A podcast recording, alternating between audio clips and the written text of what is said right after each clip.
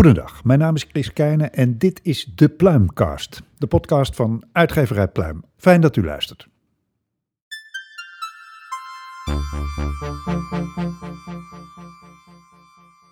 Marlie Huijer is onder veel meer emeritus hoogleraar publieksfilosofie in Rotterdam en was van 2015 tot 2017 denker des vaderlands.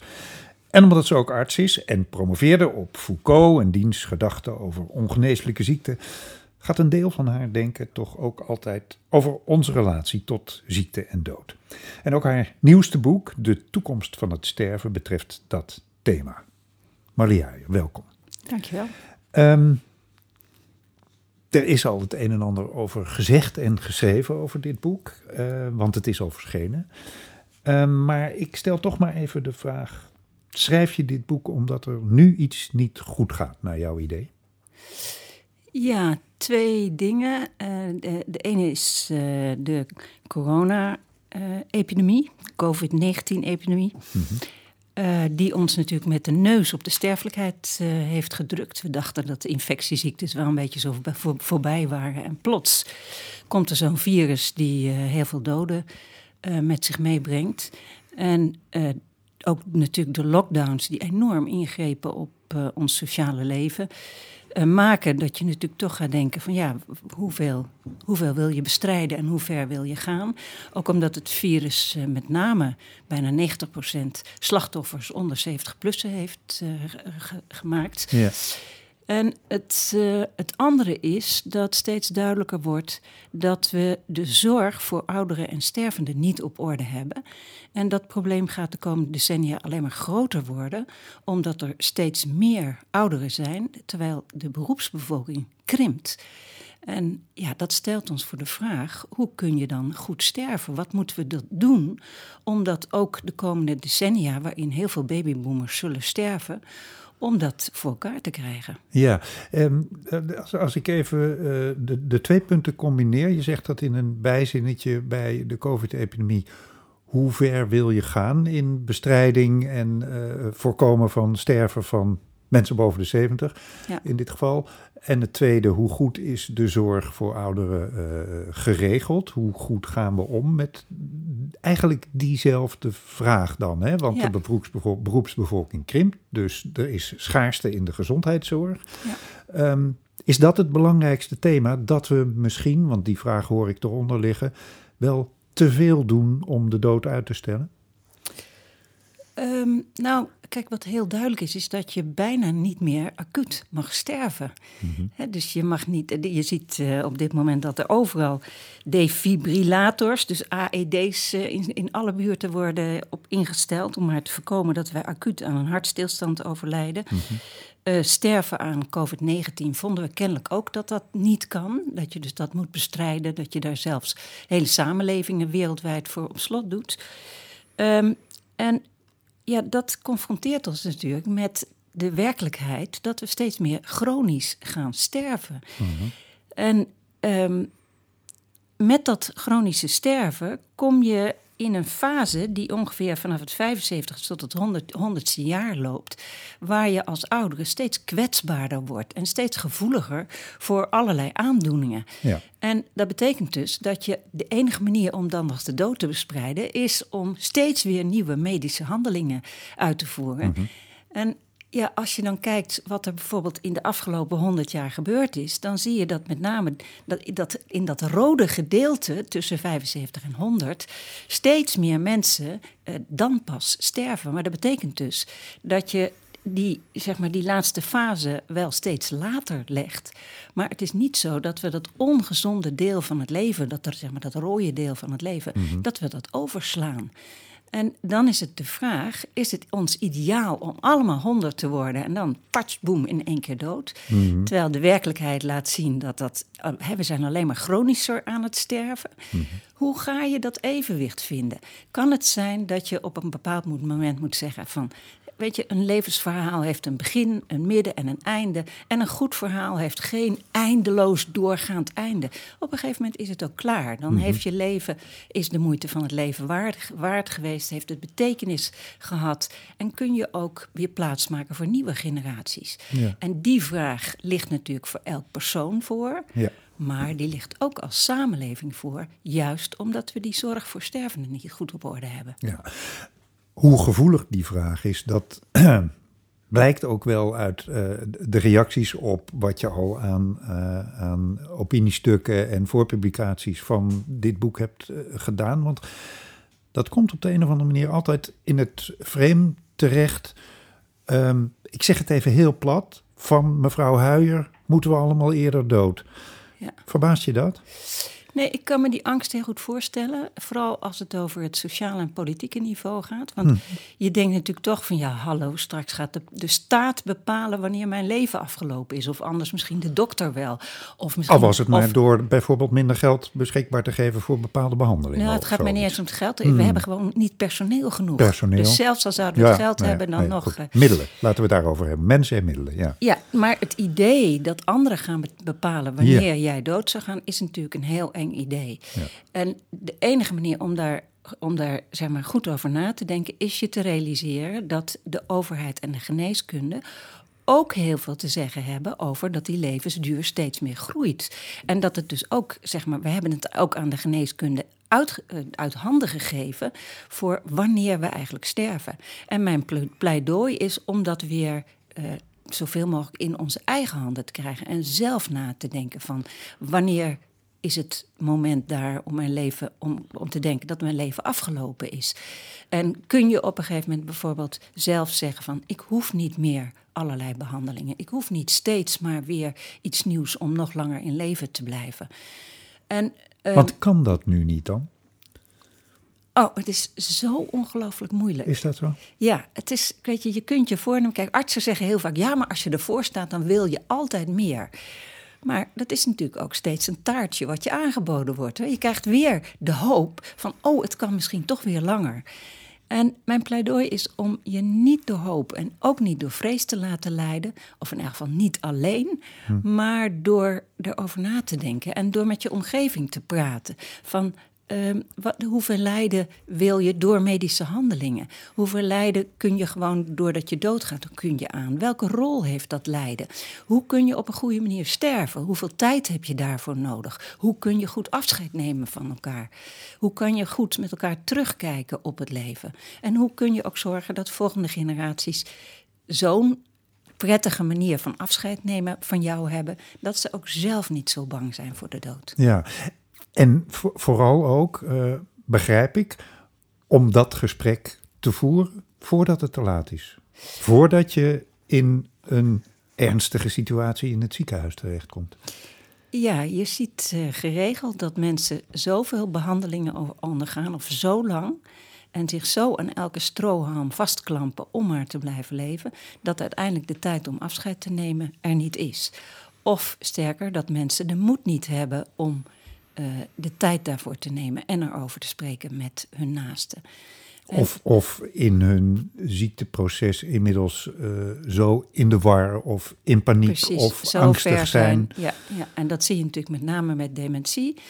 Daar kun je eh, na de diagnose nog een aantal jaren redelijk functioneren. Maar op, stel dat jij denkt van nou, ik wil echt niet in een, eh, als een kastplantje eindigen... en ik wil niet dat ik mijn hele familie belast... en ik wil gewoon zelf ook niet zo eindigen... dan is het wel een kwestie van echt op het juiste moment nog het besluit nemen... dat je graag wil dat er een einde aan je leven komt. En dat valt met name bij dementie niet mee. Dus dan is het inderdaad de kunst om daar vroegtijdig al over te spreken. Ja. Een helder pleidooi, hartelijk dank Marlie Huijer. De toekomst van het sterven is het zevende deel in de reeks van uitgeverij Pluim... onder het motto Vitale ideeën voor de wereld van morgen. Mij dunkt dat het hier beslist vitale ideeën eh, betreft. En het boek is inmiddels verschenen. Dankjewel. Dankjewel.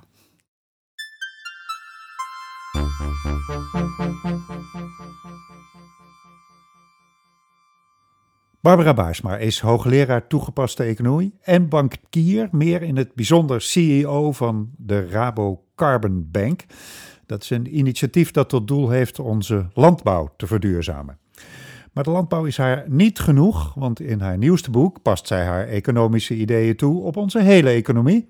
Onder het motto in de titel: Groene groei.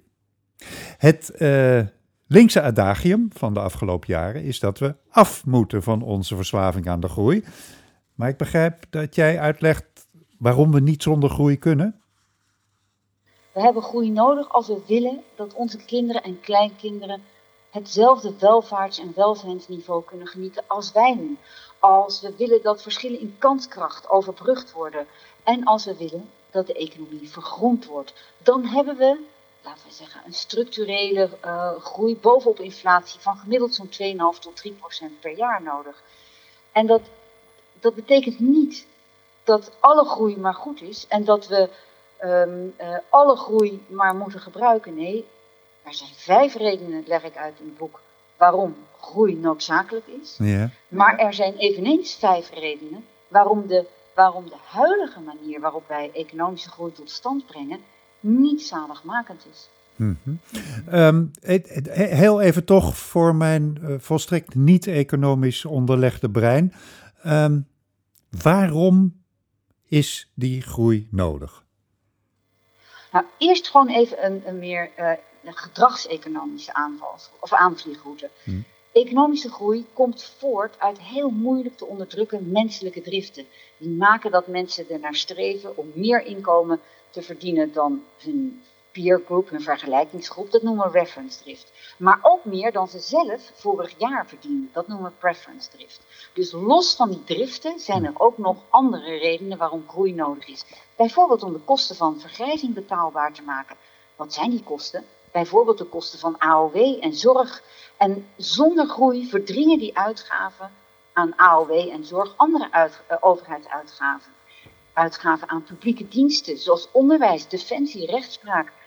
Uh, die betalen we allemaal uit belastingmiddelen. En die, hebben we, die diensten hebben heel erg nodig om het geluksniveau, tevredenheid met het, het leven, zoals Nederlanders die nu ervaren, gemiddeld genomen, om die op dat hoge niveau te houden. En we hebben dus groei nodig om die kosten van vergrijzing, om de AOW, de zorg betaalbaar te houden, maar tegelijkertijd ook die publieke diensten die zo belangrijk zijn voor onze tevredenheid, ook te bekostigen. Ja. Nou hoor ik wel eens dat er eigenlijk heel veel geld is, maar dat er veel te veel geld wordt afgeroomd van onze uh, economische productie door aandeelhouders enzovoort. Geld dat gewoon uit de economie verdwijnt. Waarom is dat dan toch een te simpele redenering? Waarom hebben we toch die groei nodig? Nou, dat verdwijnt, dat zie ik niet helemaal. Maar um, uh, wat ik wel zie, en dat is, nou, zijn we bij de nadelen uh, van economische groei. Um, groei is, de economische groei is, is iets dat alleen maar kijkt naar volume en niet naar verdeling. En op zich eh, de inkomensverdeling in Nederland, die, is, die is best gelijk. In vergelijking met andere landen. Maar dat geldt niet voor de vermogensongelijkheid. Nee. En daarom pleit ik ook in het boek voor een andere manier van verdeling van die groei, met name als het gaat om kapitaalinkomsten. Daar moet echt, wat mij betreft, een stevige belasting op komen. Die hebben we nu niet. Nu, nou, dat voert te ver, maar nu hebben we een systeem dat, dat, dat uh, dat is afgekeurd door de, de Hoge Raad, dat juridisch niet houdbaar is. Dus het moet worden aangepast. Dus als we het toch aanpassen, kom dan met een stevige inkomsten, of, uh, met een stevige belasting op de inkomsten uit vermogen. Ja. Um, yeah. uh, en laat de opbrengst daarvan, laten we die gebruiken om de inkomstenbelasting, um, dus op arbeid, voor lagere en middeninkomens te verlagen. Dan kan je juist ook die groei wel ten goede laten komen aan een brede groep mensen in de maatschappij. Ja, precies. Dus, dus het probleem wat ik bedoel, als ik zeg, uh, het verdwijnt in de zakken van uh, mensen die kapitaalwinsten maken. En het gaat niet naar de maatschappelijk noodzakelijke zaken. Um, dat, dat klopt op zich wel. Nou, als die aandeelhouders geen of onvoldoende of, of weinig belasting ja. betalen ja. over uh, die kapitaalinkomsten, dan heb je gelijk. Dan betalen zij, zoals je dat zou kunnen noemen, niet hun fair share, niet hun bijdragen aan die publieke diensten die zo belangrijk zijn, aan de kosten van vergrijzing, uh, aan de herverdeling van rijk naar arm, om ja. nog maar even ja. wat dingen te noemen. En uh, het is ongelooflijk belangrijk dat in een economie iedereen een, uh, zijn fair share bijdraagt. Waarom? Omdat uiteindelijk, dat blijkt uit heel veel onderzoek, beschrijf ik ook in het boek, voor uh, het groeivermogen van een economie, voor de economische groei van een economie, het onderling vertrouwen heel belangrijk blijkt te zijn. Die landen waar het onderling vertrouwen hoog is, in de Scandinavische landen, in Nederland, uh, daar is de economische groei per inwoner ook hoog. Dus wij hebben echt dat onderling vertrouwen ja. moeten koesteren. Ja. En daarvoor is het nodig dat, we, dat iedereen een faire bijdrage uh, levert. Anders dan tast je dat vertrouwen aan. Ja, maar precies. Maar, maar zelfs als we dat dus eerlijker verdelen, dan hebben we dus toch nog steeds groei nodig. Maar dat moet dan, begrijp ik uit de titel, groene groei zijn. Hoe voorkomen we dat die groei, want dat is het andere verhaal natuurlijk, onze planeet opvreet? Mooie vraag. Um, helemaal gelijk. Die, die uh, groei die moet groei groen zijn en daarmee bedoel ik groei binnen ecologische grenzen. Um, en wat is daarvoor nodig? Ik denk vijf dingen die ik zou willen noemen. Ja. Ten eerste, ja. laten we beprijzen de negatieve milieu-impact. Um, uh, door het te beprijzen breng je het binnen het BBP. En dat leidt dus al heel raar genoeg tot groei. Uh, maar het leidt wel tot kwalitatief veel betere groei, omdat we bijvoorbeeld aan broeikasgassen of aan stikstof een prijskaartje hebben gehangen. En daar wordt dan dus veel verstandiger mee omgegaan. Sommige dingen zijn heel moeilijk te beprijzen. Dus dan vind ik dat een overheid echt normen moet opleggen. Dus moet zeggen, er mag niet meer dan zoveel worden uitgestoten. Of je moet bij het vormgeven van een product al rekening houden met de recyclebaarheid van uh, de onderdelen. Allemaal dat soort van normen. En daarnaast denk ik, een derde uh, die heel belangrijk is voor groene groei, is dat we de duurzaamheidsprestaties van bedrijven, van organisaties transparant maken. Zodat alle belanghebbenden kunnen zien, dat bedrijf dat doet zijn best. Daar wil ik wel producten kopen. Daar wil ik wel klant zijn. Terwijl dat bedrijf maakt er echt een grijs potje van. Daar wil ik niks meer mee te maken hebben. Nou, dat is ontzettend belangrijk, maar makkelijk is dit niet. En daarom is een vierde component van groene groei lef en leiderschap. Doorzetten. Ik weet als geen ander dat als je opstaat, ook binnen een organisatie, om je in te spannen voor duurzaamheid, dat niet iedereen dat een fijn geluid vindt. Er zijn ook tegenkrachten, dus je moet echt ook doorzettingskracht, moed en lef hebben. En daarnaast is het heel belangrijk, denk ik, en dan komen we weer terug bij die verdeling, als je gaat beprijzen, als je bepaalde normen gaat instellen, dan kan het zijn dat er ook dingen zijn die veel duurder worden. En je wil niet dat de vergroening van de economie uh, iets wordt voor de elite. Je wil dat iedereen daarin mee kan. Dus het draagvlak onder de bevolking, in termen van kan ik nog mee, kan ik het ook betalen, dat is heel belangrijk. En daarom is het nodig dat we ons belastingstelsel aanpassen, zodat ook de lagere en de lagere middeninkomens mee kunnen hierin. We hebben nu niet genoeg tijd om nog helemaal op in te gaan wat je er allemaal aan zou kunnen doen, maar daar zijn oplossingen voor. Heel goed, en die noem je vast ook in het boek. Um, tot slot, um, waar, waar, moet dit boek heen? Moet het naar de Tweede Kamer? Of, of laat ik het anders vragen, hoe ver zit het huidige beleid af van dit ideaal? Ver. Um, omdat wij niet, uh, onze overheid niet beprijst. En dan kan je natuurlijk zeggen, als de overheid niet beprijst, moeten bedrijven het zelf doen. Maar ook bedrijven doen dat nog onvoldoende. De prikkels staan met andere woorden niet op scherp. Um, en het boek is bedoeld, ja, voor de Tweede Kamer, voor de politieke arena. Het is ook bedoeld voor beleidsmakers in Den Haag, maar ook voor burgers en bedrijven in het land. Zodat zij op basis van feitelijke informatie, van economische uh, inzichten, zelf uh, kunnen bepalen wat zij zinvolle economische groei vinden en onzinvolle economische groei. Zodat het debat dat we daarover hebben hopelijk rijker wordt, beter gevoed wordt en dat ook politici dat voelen doordat kiezers uh, beter geïnformeerd um, deelnemen aan dat debat en daarmee ook op een andere manier weer de prikkels op scherp zetten. En dus is het goed dat Groene Groei inmiddels is verschenen. Hartelijk dank, Barbara Baarsma.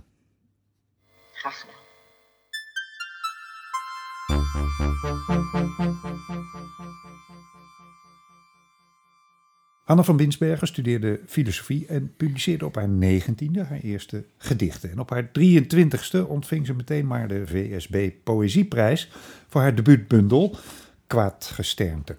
In 2020 verscheen bij uitgeverij Pluim haar debuutroman Harpy. Maar nu heeft ze zich weer op de poëzie geworpen en is er de bundel Kokanje. Dag Hanna. Hi.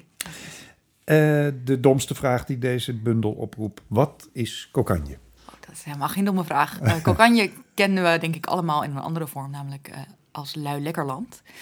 En Lui Lekkerland is een idee wat misschien wel altijd bestaan heeft, maar wat voor het eerst een beetje een literaire vorm kreeg in de middeleeuwen. Mm -hmm. um, in de vorm van een soort sprookje waarin allerlei heerlijkheden worden opgesomd over een land waar je de hele tijd mag luieren en uh, al het, allerlei heerlijk eten aan de bomen groeit. En, uh, de gebraden duiven in je mond vliegen. Precies, varkentjes rondlopen met uh, messen in hun rug en spek aanbieden. en ja, huizen gemaakt zijn van koekenbroden en dat soort dingen. Ja. Dat is kokanje. Ja, en ehm, lezend over je bundel ehm, las ik ook dat dat kokanje eigenlijk een soort tegenwicht was. Het was de, de, de, donkere middeleeuwen, zoals dat het heet, pest, ellende, narigheid. Uh, en uh, ja, het enige wat er dan als ideaal was, was uh, de hemel. Maar de weg daar naartoe, weten we, is lang en kronkelig. En mensen hadden eigenlijk behoefte aan een veel leuker ideaal. Hè? Daar kwam het een beetje vandaan, begrijp ik nou, dat goed? Ja, dat is, uh, dat is mijn uh, uh, analyse van de zaak. Yeah. dat ik denk dat de, de hemel, um, ja, het, het idee van een soort abstracte verlossing. Van er komt, op een gegeven moment komt er troost en dan zal er geen verdriet meer zijn. En, en het, is allemaal vrij, het is allemaal vrij abstract. Ja. En, en bovendien moet je jezelf heel veel ontzeggen om erin precies, te kunnen komen. Precies. Uh, dus ik dacht een, een ideaal wat uh, vrij is van uh, zo'n soort zuiverheid, maar wat gewoon echt gaat over wat mensen nou eenmaal heel fijn vinden. Ja. Namelijk lekker eten, uh, luieren, uh, vrijen en uh, nou, gewoon het gezellig hebben met elkaar. dat, ik kan me heel goed voorstellen dat daar, dat daar heel veel behoefte aan was in een periode van, van gebrek. En natuurlijk niet de hele middeleeuwen waren verschrikkelijke Nee. ontberingen en zo. Maar wat mensen wel stevast deden in de middeleeuwen, wat heel veel mensen op de wereld nog steeds doen, is periodiek vasten. Mhm. En op het moment dat je jezelf voedsel ontzegt, dan ga je natuurlijk heel, heel veel dagdromen over allemaal lekkere dingen die je zou kunnen eten. Dus dat is ook een mogelijke verklaring voor dat ja, idee. ja, ja. Maar bij mijzelf kwam eigenlijk het. ehm, ik kreeg zelf heel veel behoefte aan kokanje eh, tijdens eh, de lockdown. Dus wat dat betreft is het een typische lockdown-bundel. Ja, en waarom leende zich dat thema, dat idee, eh, die fantasie misschien wel voor een, een dichtbundel? Nou, eh, als je kijkt naar bijvoorbeeld die verhalen uit de middeleeuwen, die hebben eigenlijk helemaal geen eh, narratieve structuur. Soms wordt er iets van een reisverslagje van gemaakt, maar het is vooral een opsomming van heerlijkheden die over elkaar heen buitelen. Mhm. En ehm, bij mij, ja, ik, het is natuurlijk een beetje een gekke vraag, leent het zich voor een, voor een dichtbundel? Bij mij kwam het, eh, het, het kwam, eh, het was een idee wat soort van tot me kwam. Mhm. Eh, ik ben altijd bang dat ik erg zweverig klink als ik dit soort dingen zeg. Nee, maar Nee.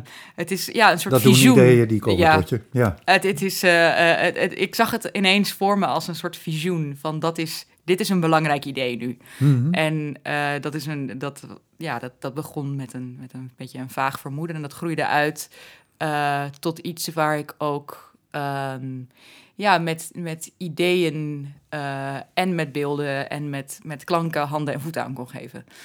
Ehm, dus het is iets, het is eigenlijk eh, ehm, iets waar ik best lang mee bezig ben geweest om, eh, om, een, om er een vorm voor te vinden. Want het is, mijn bundel is niet een opsomming van heerlijkheden geworden. Nee. Maar wat het wel geworden is, is juist echt een reisverslag. Ehm, en dat begint op het punt dat mensen besluiten dat ze behoefte hebben, dat ze behoeftes hebben en dat ze eh, willen kiezen voor plezier. En dat ze eh, eigenlijk een paradijs of een, een, een luilekkerland eh gaan opeisen of gaan maken. Aha. En dan is het er nog niet. Dus dat is het, dat is het begin. En dan eindigt het wel met een aankomst, maar er is, er zit veel tussenin. Ja, maar het is dus eigenlijk meer een bundel over het menselijk verlangen, de menselijke behoefte aan kokanje, dan over kokanje zelf misschien. Nou, nee, ik zou zeggen dat het misschien meer een bundel is over hoe, hoe je kokanje kan maken. Hmm. En waar het zich zou kunnen bevinden. Ehm, want kokanje, ja, ik, ik, eh, ik zal niet te veel verklappen, maar Nee, eh, ik, eh, maar wel genoeg. ik wil niet beloven dat, het, dat er echt een land is waar de, de wolken van suikerspin zijn. En Nee. uh, er dropveters uit het gras groeien. Maar um, er is wel de overvloed en de vreugde is wel te vinden. En de vraag is, hoe moeten we die vinden en hoe moeten we er vasthouden? En dat, uh, dat is waar, waar, uh, waar de reis naartoe gaat. Ja, en, en dat roept dan bij mij de vraag op: is het, is het dan een bundel die inderdaad overloopt van de vrolijkheid, van de overvloed, van het, het, het, het vreten, zuipen, eh, hoeren en snoeren? Of zoals bij iedere bundel over het leven en de zoektochten in het leven zit er ook een naar zwart randje aan. Nou, ik zou niet zeggen dat het een naar zwart randje is, maar er zit wel, um, er zit wel een zekere uh, zwaarte in het, eigenlijk het midden van de bundel. Um, en dat, uh, ja, ik moest er net aan denken dat je, de, dat het, in verhalen over Cocagne gaat het vaak over dat je je door de uh, rijstebreiberg moet heen eten. Precies. Om er te komen. Ja. En ik dacht, ja, is dat uh, rijstebrei, is dat dan rijst? Die hoort ook wel eens haver, havermoutberg. Maar ik denk, zou het geen gerstenberg zijn? Want dan zou het namelijk gruwel zijn. Ja. Want er is namelijk een zekere, ja, er, op het moment dat je dingen gaat veranderen, kom je op vroeg of laat in aanraking met ofwel uh, saaiheid ofwel gruwel. En dat, dat is, zit onvermijdelijk ook in deze bundel. En vooral ook wel in de vorm van, uh, nou ja, van een, een, een zekere uh, wanhoop en melancholie. Dat zit, dus dat heb ik er toch niet helemaal uit kunnen houden. Ik heb het ook niet heel hard geprobeerd. maar ik denk dat het wel een, een heel ander soort um, wanhoop en melancholie is dan nee, misschien in mijn eerste bundel wel eens naar, naar, naar voren kwam. Hoewel het ook niet allemaal super zwart was. Maar uh, omdat, het, uh, omdat er een, een, een belofte is, en een, nou eigenlijk niet zozeer een belofte, maar een, een besluit is om uh, met elkaar als mensen iets moois en feestelijks te maken. Ja. En dat mooie en feestelijke gloort hopelijk aan de einde. dat gaan we niet verklappen of dat zo is. Maar gelukkig kunt u dat al lezen, want Kokanje, de bundel van Hanna van Binsbergen, is reeds verschenen. Dankjewel, Hanna.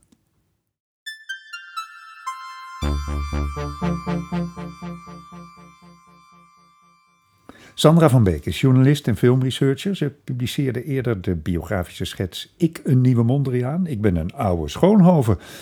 En maakte met filmmaker Kees Hin onder meer Theresienstad, film of waarheid. En ook in haar nieuwste boek keert ze terug naar een van de grote verhalen van de Tweede Wereldoorlog. Want ze vertelt de geschiedenis van het dagboek van Anne Frank. En dat doet ze volledig, want zo heet het boek. De geschiedenis van het dagboek van Anne Frank. Welkom Sandra.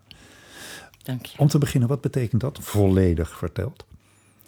Nou, volledig betekent dat alle stadia eigenlijk doorlopen worden. Mm-hmm. Van uh, uh, Otto, die Otto Frank die terugkeert uit, uit Auschwitz.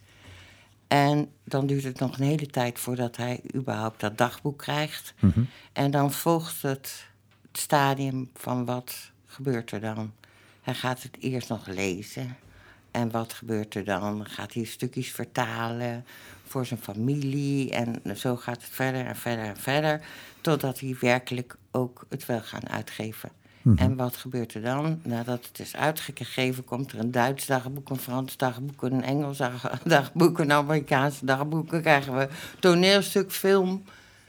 En dan krijgen we ook nog vrienden en vijanden van Mhm. Otto. Mhm. En eh, tegen de tijd dat hij sterft, is 1980, dan is hij al 91 en dan heeft hij een volledig leven gehad dat ten dienste stond aan het dagboek. Ja, precies, want het boek heet De geschiedenis van het dagboek van Anne Frank, maar het had ook kunnen heten De geschiedenis van Otto Frank met het dagboek van zijn dochter, hè? want dat valt volledig samen. Ja. Ja. Wie zegt Otto, zegt dagboek van Anne. Ja. Betekent dat ook, en speelt dat ook een rol in je boek misschien, dat dat dagboek voor Otto een soort levensvervulling werd? Ja, het was zijn redding Hm. zelfs. Het was zijn redding en zijn levensvervulling.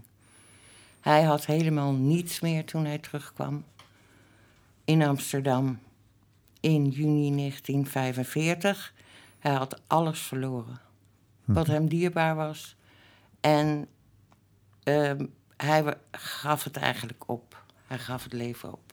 Kun je wel stellen. Hij schreef aan zijn vriend, zijn kameraad in uh, Auschwitz. Vanuit Auschwitz schreef hij: Het leven is eigenlijk voorbij.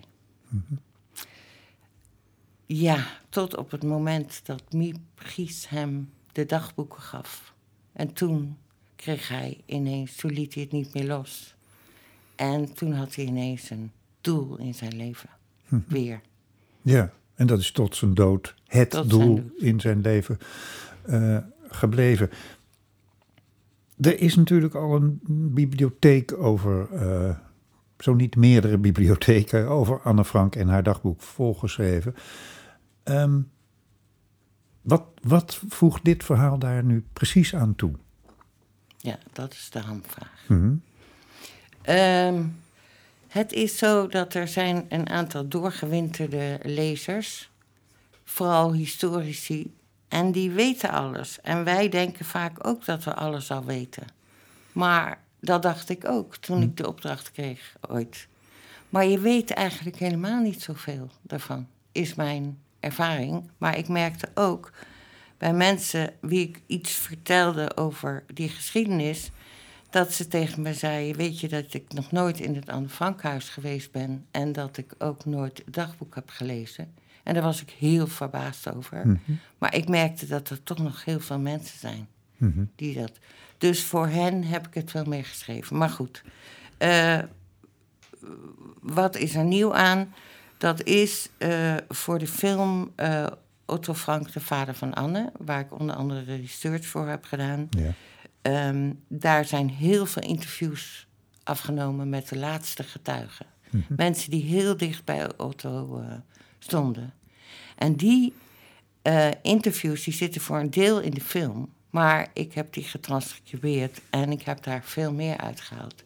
Dus dat zijn citaten van, van mensen die heel dicht bij Otto waren. En dat, dat is uh, eigenlijk nieuw. Mhm. Helemaal nieuw.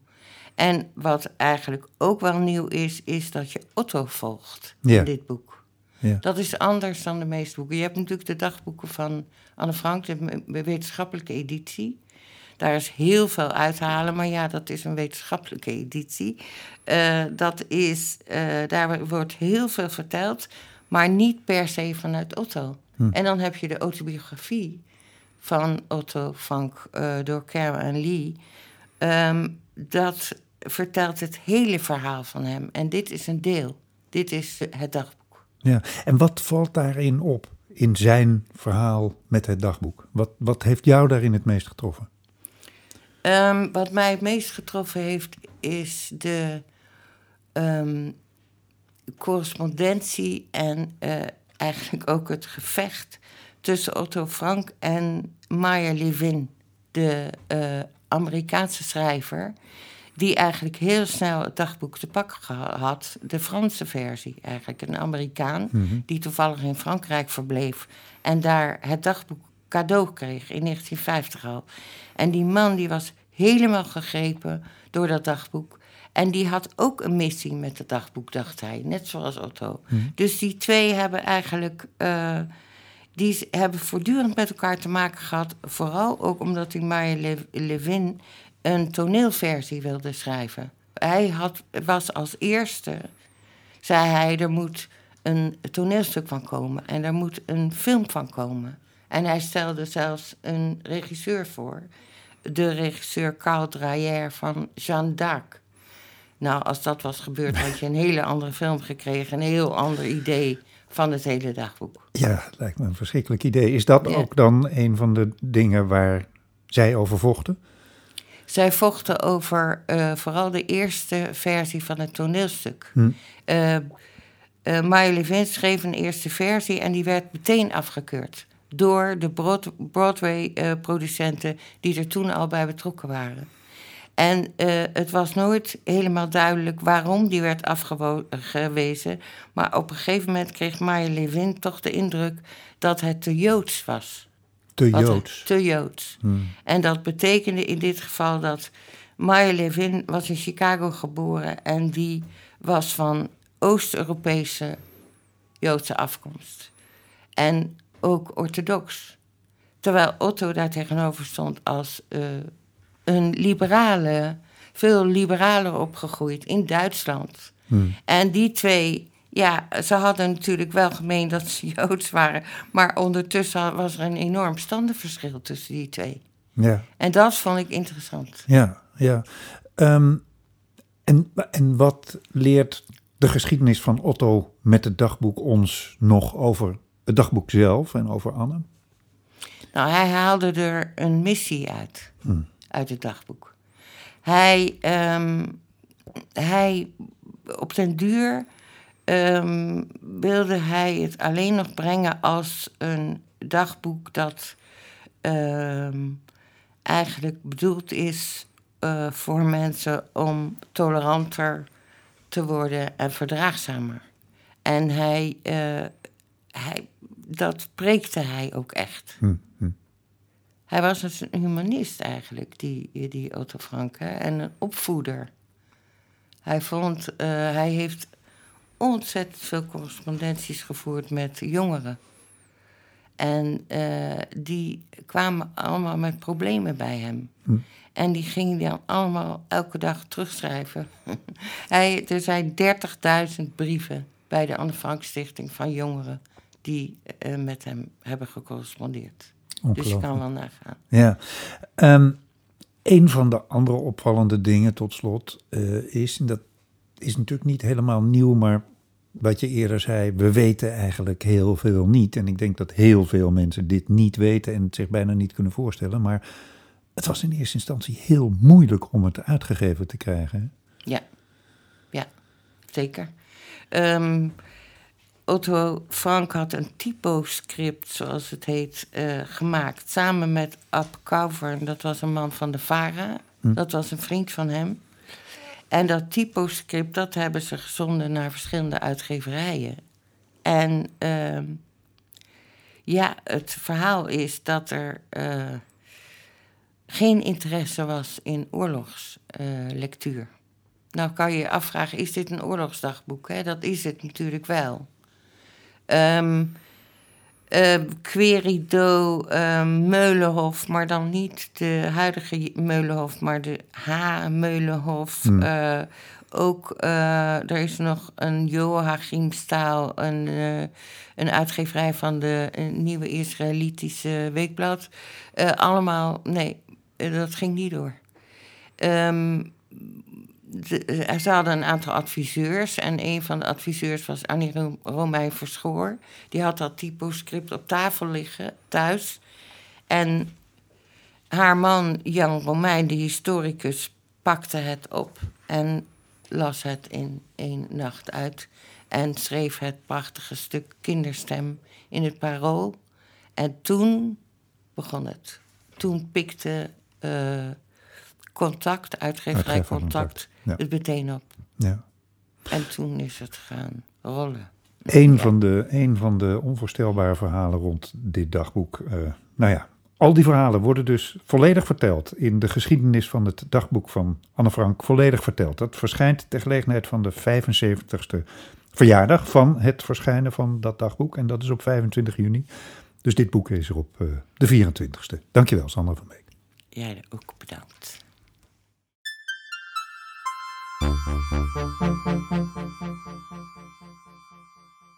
Van de Duitse schrijfster Esther Kinski verschenen bij uitgever Pluim eerder de romans Kreupelhout en Langs de rivier. Het ene in NRC Handelsblad omschreven als het ultieme document van vroege rouw. En het tweede volgens de VPRO-gids doorspekt met wonderschone poëtische observaties. En nu verschijnt er een derde Kinski en wel het boek dat in 2020 bekroond werd met de W.G. Zeebaldprijs. Ik spreek erover met vertaalster Josephine Rijnuits. Dag Josephine. Dag. Wat voor schrijver is Kinski?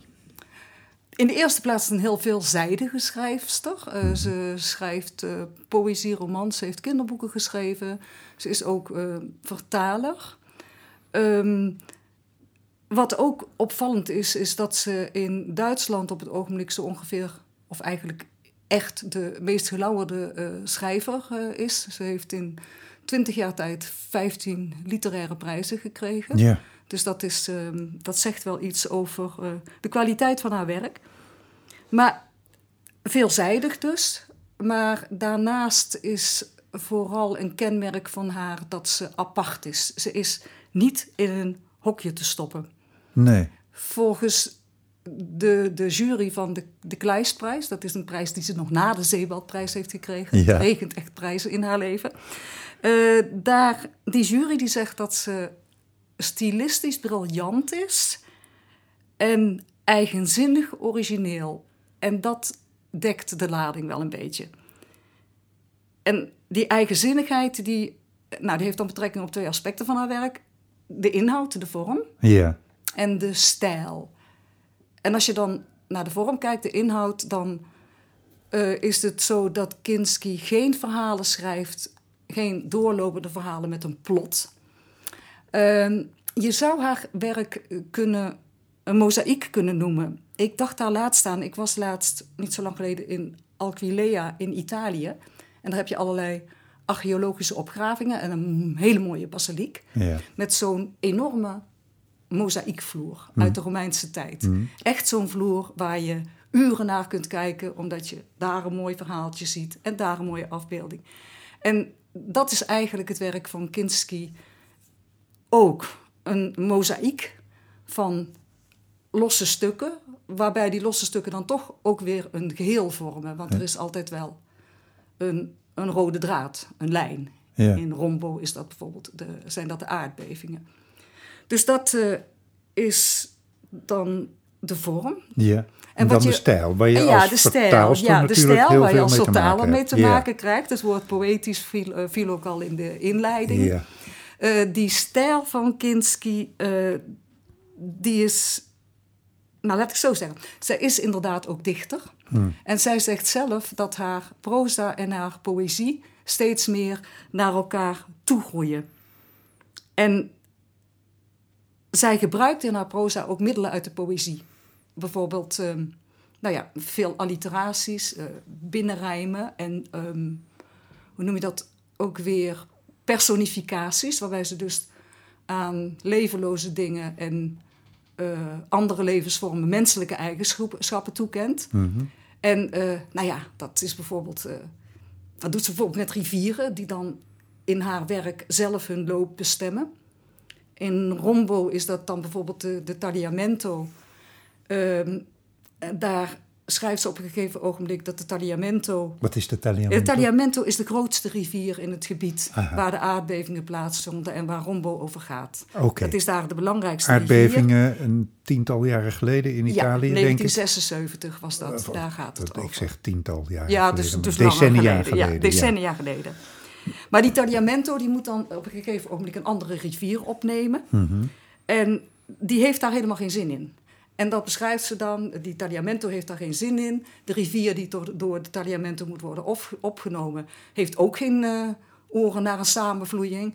En eh, dan beschrijft ze dat die rivieren treuzelen... en dat ze al treuzelend een heel groot grindbed vormen.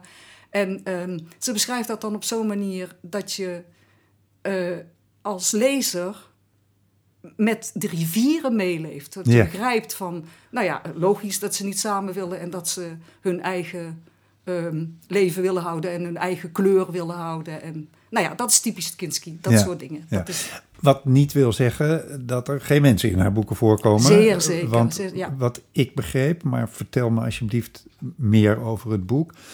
Dat dit boek gaat over wat die aardbevingen in 1976 daar in Italië gedaan hebben met de mensen die er wonen. Ja, ja. Eh, dat is niet het enige. Het is, eh, ehm, het, zij beschrijft wat, wat eh, sowieso een kenmerk van haar, dat een thema in haar werk, dat ze beschrijft wat de natuur, welke sporen de natuur en natuurgeweld bij mensen, in mensen nalaten. Nou, daar is Rombo dan inderdaad een goed voorbeeld van. Ze beschrijft wat die aardbevingen gedaan hebben met ehm, de natuur.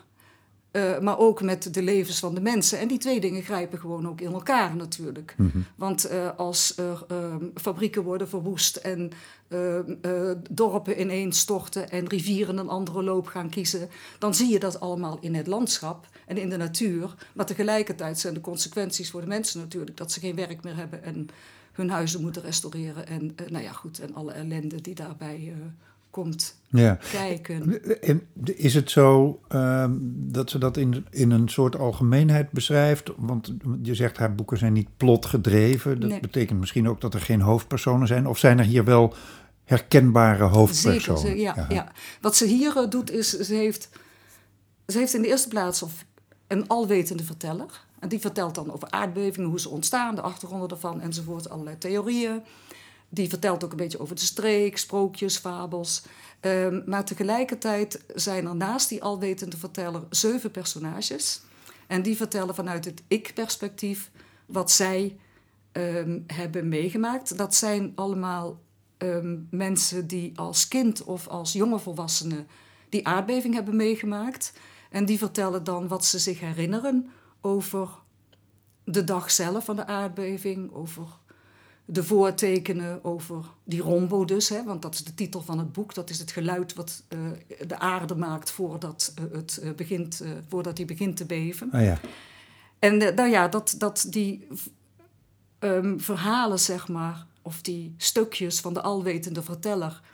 en die um, zeven personages, die stukjes, die zijn met elkaar verweven, lopen door elkaar heen... Um, belichten elkaar, zou je bij wijze van spreken kunnen zeggen. Ja. Nou lijkt zij mij een schrijfster die zo'n thema en die wisselwerking tussen onze levens en de natuur en wat er in de natuur gebeurt, gebruikt om iets algemeners te zeggen over het menselijk leven. Is, is dat zo? En zo ja, wat zou dat zijn in dit geval? Nou, wat um, zij waar zij zich op concentreert, waar zij zich mee bezighoudt, is um, de sporen die mensen in de natuur nalaten. Uh, ze beschrijft bijvoorbeeld, uh, schrijft bijvoorbeeld over uh, van de stad. Je komt in haar werk ook altijd verlaten gebouwen tegen, kapotte fabrieken en zo. Dus zij um, wil absoluut niet over landschappen schrijven. Hmm. In die zin dat het uh, mooie, uh, perfecte landschappen zijn met mooie zonsondergangen en zo. Maar uh, ze wil echt de, de vinger leggen op, kijk wat wij allemaal met het land doen. Dus yeah. je komt ook rotzooi tegen en troep enzovoort. Yeah. En tegelijkertijd um, haalt ze dan ook iedere keer weer naar boven dat de boel zich herstelt. De natuur zich herstelt. Hmm. De veerkracht van de mensen, maar de veerkracht van de natuur. De ruïnes die ze beschrijft, die worden overwoekerd door nieuw groen, nieuwe natuur, nieuwe planten, nieuwe bloemen. Um, dus uh, dat is eigenlijk uh, ja, heel mooi, hoopgevend. Uh, ja. wat zij, hoe zij daarmee omgaat. Ja, waarbij het uiteindelijk vooral ook de taal is die het een genot maakt om het te lezen. Hè? Ja, uh, dat is, uh, daar wordt zij alom om geprezen. En dat is uh, inderdaad, haar taal is ja, en niet alleen het ritme, maar ook de metaforen die ze gebruikt. En wat ik daarnet al zei, die middelen uit de poëzie die ze gebruikt, die personificaties, dat is prachtig. En ze gebruikt ook prachtige beelden en metaforen. Dank je zeer. Josephine Reinaerts, Rombo van Esther Kinski verschijnt op 23 augustus.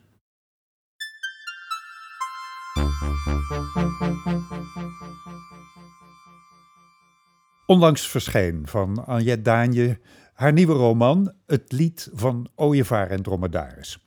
Maar Anjet Daanje had al een heel oeuvre van romans en bekroonde filmscenario's op haar naam toen De Herinnerde Soldaat, Longlist Librisprijs 2020 en de F. Bordewijksprijs en het beste Groninger boek dat jaar haar naar nationale bekendheid katapulteerde. Dat dat niet veel eerder gebeurd is, is buitengewoon merkwaardig. Want nu herverschijnt bijvoorbeeld bij uitgeverij Pluim Delle Weel van Anjet Daanje. Dag Anjet. Hallo. Wie is Delle Weel? Uh, Delle Weel is een fictief personage. In het boek is het zelfs een fictief personage. Want ze is de, het hoofdpersonage in een televisieserie over een, eh, over een restaurant. Zij is de kok in dat restaurant. Ja, dus een, als ik het goed begrijp, een, een dubbel fictief personage. En ja, alle personages zijn natuurlijk fictief in Ja, het boek. Maar ja. zij is ook fictief in het boek. Voor die personages in het boek is zij ook fictief. Ja, ja. Maar eh, dan, dan komt de romantechnische eh, de truc, zal ik maar zeggen. Want in dat boek gaat ze een echte rol spelen in het leven van echte vrouwen. Die natuurlijk, om het ingewikkelder te maken, ook fictief zijn. Maar toch iets minder fictief dan Delle. Ja, ja dus die, die, de, die- dat personage, dat wordt, die Delle Wereld, dat wordt geschreven door een scenariste. De, de- en en het is gebaseerd op een, eh, een, echte, op een echt bestaande kok binnen het boek bes- bestaand dan. Ja. En ehm, Ja. er is ook nog een actrice die dat personage speelt. Dus ze speelt een grote rol in de, in de levens van die drie vrouwen. En eh, die, die rol wordt ook steeds overheersender in de loop van het boek. Op een gegeven moment loopt alle fictie eh, loopt door, de, door de werkelijkheid heen. Dus dan is een beetje de vraag nog van eh, wat fictie is en wat werkelijkheid is. Ja. En was dat het, was dat het uitgangspunt toen je dit boek ging schrijven? De, de- bedoel, het, het klinkt als zo'n verschrikkelijk literair cliché, een spel met fictie en werkelijkheid. Wie doet dat niet, zal ik haast zeggen. Maar, maar was dat het uitgangspunt? Want dit is natuurlijk dubbel fictie en werkelijkheid, zou ik maar zeggen. Ja, dat was wel het uitgangspunt. Want mijn idee was, omdat ik heb het geschreven tien jaar geleden. Mhm. Toen, eh, toen was het ook al het internet heel belangrijk. Dus ik had, ik had een paar aantal jaren een, eh, een forum gevolgd over een televisieserie. Ja. En Ja. die mensen die op dat forum zaten, die, die waren zo, eh, die hadden zich zo gestort in die televisieserie. Die behandelden die personages gewoon als echte personages. Dus ja, de, de, de, de werkelijkheid eh, werd steeds meer overheerst door die, door die personages. En ik geloof ook dat, dat omdat het internet steeds belangrijker een rol speelt in het leven van mensen. Dat, dat dat eigenlijk wel actueel is. Dat, ehm, eh, dat het internet heel, veel- heel veel invloed op je leven heeft. ja, Ook fictie. Ja, Ehm, wa- want, want ja, wat voor invloed gaat eh, deze fictieve televisiekok dus dan, leef, dan spelen in het leven van die echte vrouwen? Wat kan je daarover zeggen zonder al te veel eh, spoilers weg te geven? Nou ja, per definitie al, omdat dat die scenariste die schrijft over haar. Dus die, die brengt haar eigen leven in, dat, in die personages. Mhm. En, die, de- en, en die, die actrice die moet zich inleven in het personage van Delle Wil. Dus die, die wordt ook. De, de, en de kijkers die naar haar pers- personage kijken op de televisie. Die, die kunnen haar ook heel slecht scheiden van het personage wat ze speelt. Dus zij voelt, heeft ook het gevoel dat ze steeds meer die rol speelt van, van Delle Wil. En eh, dat, dat, ze, dat, dat ze Delle Wil in het echt ook wordt. Want mensen behandelen haar ook gewoon zo Ja, die, en die televisiekok die raakt ook, hoewel ze dat eigenlijk, het is, het is een beetje een soperige serie, dus ze schaamt zich daar wel een beetje voor, maar ze gaat op een gegeven moment naar die televisieserie kijken. En dan, eh, en dan raakt ze ook helemaal verslingerd aan die serie. Dus die komt ook op zo'n forum terecht, waar mensen dus alsmaar over die, eh, over dat, over die Delle Wereld praten. Dus dat, dat, eh, die Delle Wereld wordt ook echt zo'n soort van echt personage in haar leven. ja, ja. Ja. Gaat ze ook koken? Eh, eh, dat, dat, nee, zij, zij, was al zij was al kok, want haar, dat, dat personage is dus gebaseerd op een echt bestaande kok. Dus die, eh, die, die, die, die fan, die, die, eh, die, die, dat was al een kok. Oh ja. Hij herkende ja. zichzelf ook heel erg in dat personage. Ja. Hoe, hoe ontstaat zo'n verhaal? Want ik, nou ja, ik begrijp het idee en, en ja, dat is inderdaad een, een heel modern verschijnsel. Tien jaar geleden was het nog iets moderner, denk ik. Ehm, maar denk je zo'n heel verhaal van tevoren uit? Of gebeurt het ook terwijl, je- terwijl je schrijft? Nou, de grote lijnen bedenk ik altijd wel van tevoren. En dan schrijf ik een, kladversie. En dus dan, dan bekommer ik me niet zo erg over om de schrijfstijl. En dan schrijf ik gewoon een beetje door. En dan beginnen die personages te leven. En dan, eh, voor, voor mij dan. En dan, ehm, eh, nou ja, dan, dan, dan, dan weet je ook steeds beter wat ze gaan doen. Dus dan ontstaat er een soort van. eh, bin- binnen die lijnen die ik al eerder had bedacht, dus ontstaan er details. En dat, dat, is, dat, dat het, wordt dan ook een plot. Ja. En ehm, is het dan je eigen interesse in zo'n fenomeen, die, die ja, wisselwerking tussen fictie en werkelijkheid, groei van het internet en de invloed die dat heeft, ehm, die je, die je eh, voortdrijft? Of, of denk je ook van hier gebeurt iets in de samenleving waar ik iets over wil zeggen? Nou, het is vooral mijn eigen interesse, maar ook wel inderdaad, uh, maar, maar, met een roman, ik, ik, ik, zeg niet iets nieuws. Het is niet zo dat als je die roman hebt gelezen, dat je denkt, goh, daar had ik nou nooit aan gedacht waarschijnlijk. Maar omdat je je inleeft in die personages, begrijp je wel beter hoe het, hoe het zit helemaal. En wat ik, wat ik wil vertellen. Ja, en, en ik neem aan dat je in de loop van het schrijven steeds meer geïnteresseerd raakt ook in je eigen personages. Ja, ja, absoluut. Want eh, ik schrijf ook oh, wel heel, heel erg voor, voor om, om in te leven in de personages. Dat, dat vind ik ontzettend leuk van schrijven. Dus ja, nee, dat is absoluut zo. maar je moet altijd een basisidee hebben om die personages te creëren natuurlijk. En dan daarna dan rolt het wel verder. Zo. En wie is dan in dit boek je, je favoriete personage? Ja. ik denk, ik denk, Mag je moeder niet vragen hè, naar kinderen? Nee, echt allemaal. Maar ik, ik schreef het liefst eigenlijk over die, die, die, die, echte kok. Dat was wel leuk. Die had een restaurant en zo. En, die, eh, die, die, in, in, en, en dat forum, over dat forum schrijven was ook wel interessant. Want dan uh, allemaal, uh, dat is een beetje, een beetje het is wel geestig eigenlijk. het was echt wel leuk schrijven. Over dat. Ja, want wat maakte dat zo leuk? Nou, omdat we, die hebben ze allemaal van die rare discussies en allemaal rare termen. Dat hebben ze in het echt ook op, op van die forums over die televisie. En hebben ze allemaal bepaalde termen. Dat, als je daar voor het eerst komt, dan denk je, hé, waar gaat het over? Maar dan, als je een tijdje op zo'n forum zit, dan ken je al die termen. Dus het, het, is een wereld op zich eigenlijk. Gewoon met een eigen taal ook. Ja, en, en wat maakt het leuk om over die kok te schrijven? Is de, is de restaurantwereld zo interessant? Nou, ik had er wel van alles over gelezen, zo, dat was wel leuk. Ik kan zelf niet zo goed koken, maar in, in fictie koken is wat anders dan. Ja, maar wat maakt die restaurantwereld interessant? Nou ja, dus dan, dan, kan je gewoon allemaal actie beschrijven. Dus in, in de keuken en uh, de, de, de, het was heel basis. Dan gaat ze allemaal mensen, mensen uh, rondcommanderen en zo. Dat was wel leuk om te schrijven. Ja, ja. En intussen zat ze dus in, in het geheim op dat forum, want ze schaamde zich daarvoor. Dan zat ze s'avonds op, zat ze op dat forum, dan ging ze die televisie kijken. En ze in het, echte, in het echte leven zei ze dan dat ze die televisie heel slecht vond. En, maar gaat, intussen was het eraan verslingerd. Dus het, met personage met een geheim is ook altijd leuk. Ja, zeker. Nou, um, een duizelingwekkend verhaal, uh, zo te horen. Ben je, ben je blij dat het heruitgegeven wordt? Ja, dat is, ja, dat is heel leuk dat het wordt heruitgegeven, ja. Ja, een kind met een nieuw leven. Um, ja. Ja. Hartelijk dank ja, aan jij Daanje. was leuk. En ik zeg er nog even bij dat uh, deze heruitgave bij uitgeverij Pluim van Delleweel van Anje Daanje verschijnt op 25 augustus.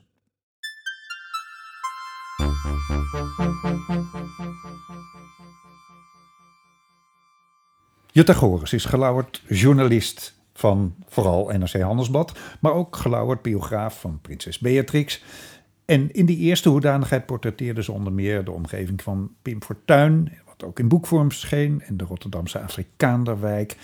Um, die mocht zich ook verheugen in een boek van Jutta Goris. En ook de leden van de Hofstadgroep weten zich geportretteerd door Jutta Goris. En nu is er Alma's dochters. Jutta, welkom. Wel, dank je. Op wie heeft jouw journalistieke vizier zich deze keer gericht? Nou, echt, het is op een hele familie. Um, te beginnen met uh, de overgrootmoeder Alma. Eigenlijk moet ik zeggen, te beginnen met de achterkleindochter Lili. Want Lili is een uh, vriendin van mij. Ze is uh, 92 jaar en ze woont in Italië. En um, ze is filmmaakster, opgeleid in, in Parijs en in Rome als de eerste Nederlandse filmmaker. En afgelopen um, zomer vorig jaar, 2021, begon ze ineens te vertellen over haar familie. Hm. En um, die familie bestaat uit bijzondere, of gewone bijzondere vrouwen. Um, die uh, waaghalzen waren, die naar Indië in hun eentje gingen, die um, nou, bijvoorbeeld landbouwkundige werden, die schrijver van Indische romans werden en journalist en filmmaker dus. En die toch in een wereld leven die overschaduwd werd door mannen. Hm. En um, dat is eigenlijk de, ook de inzet van het boek. Um, ik vind het mooi om een portret te maken van een familie die bestaat uit vrouwen die bijzondere talenten hadden, die zich ja, heel duidelijk um, ja, uitzonderde, die, die zich heel duidelijk lieten zien als een um, talent. Mm. Um, maar tegelijk leefden ze in een wereld die gedomineerd werd door mannen. En ehm, konden ze dat talent dus niet helemaal ten volle ontplooien. Nee. Nou ja, Want, want we schrijven even, Alma is de grootmoeder. ja, Lili Ja. is de, de, de, de vierde generatie, dus de achter, achterkleindochter. ja, Alma is de overgrootmoeder. Zij is geboren in 1851. En, ehm, eh, En wat typeerde haar? Nou, wat, zij was eigenlijk een waaghals. Ze ging naar Indië eh, en wilde daar trouwen met een man. En bij aankomst bleek hij te zijn overleden. En Mhm. toen is ze niet teruggegaan naar Nederland, maar ze is gebleven. En ze is les gaan geven aan de kinderen van de sultan van Jogja. Ze is ehm, daarna eh, Indische romans gaan schrijven. Ze is getrouwd met een Nederlander die haar de ruimte gaf dat laatste ook te blijven doen. Dus ehm, dat is voor haar bijzonder geweest. En zij is een oermoeder van dit gezin. Ja. Dat eigenlijk bestaat uit vrouwen. Een Ja. gezin dat. eh, eh, dus het, wat ik interessant vond, is om de oermoeder te portretteren en te kijken wat eruit voortgekomen is. Ja, want wie kwam daar in eerste instantie uit voort? Ehm, haar dochter eh, is ehm, een landbouwkundige, de eerste vrouwelijke landbouwkundige van Nederland. Ehm, eh, en dierdochter is een eh, journalist geworden. Zij heeft in De- de de- jaar... hoe heette Ja. de dochter, de Oh landbouwkundige? ja, ja oké. de landbouwkundige heette Ellie. Ehm, ik ehm, heb de vrouwelijke lijn gevolgd en ehm, ik zal ook de vrouwelijke, de voornamen gebruiken. Eh, ik, ik heb natuurlijk ook in het boek achternamen gebruikt, maar die zijn altijd van mannen.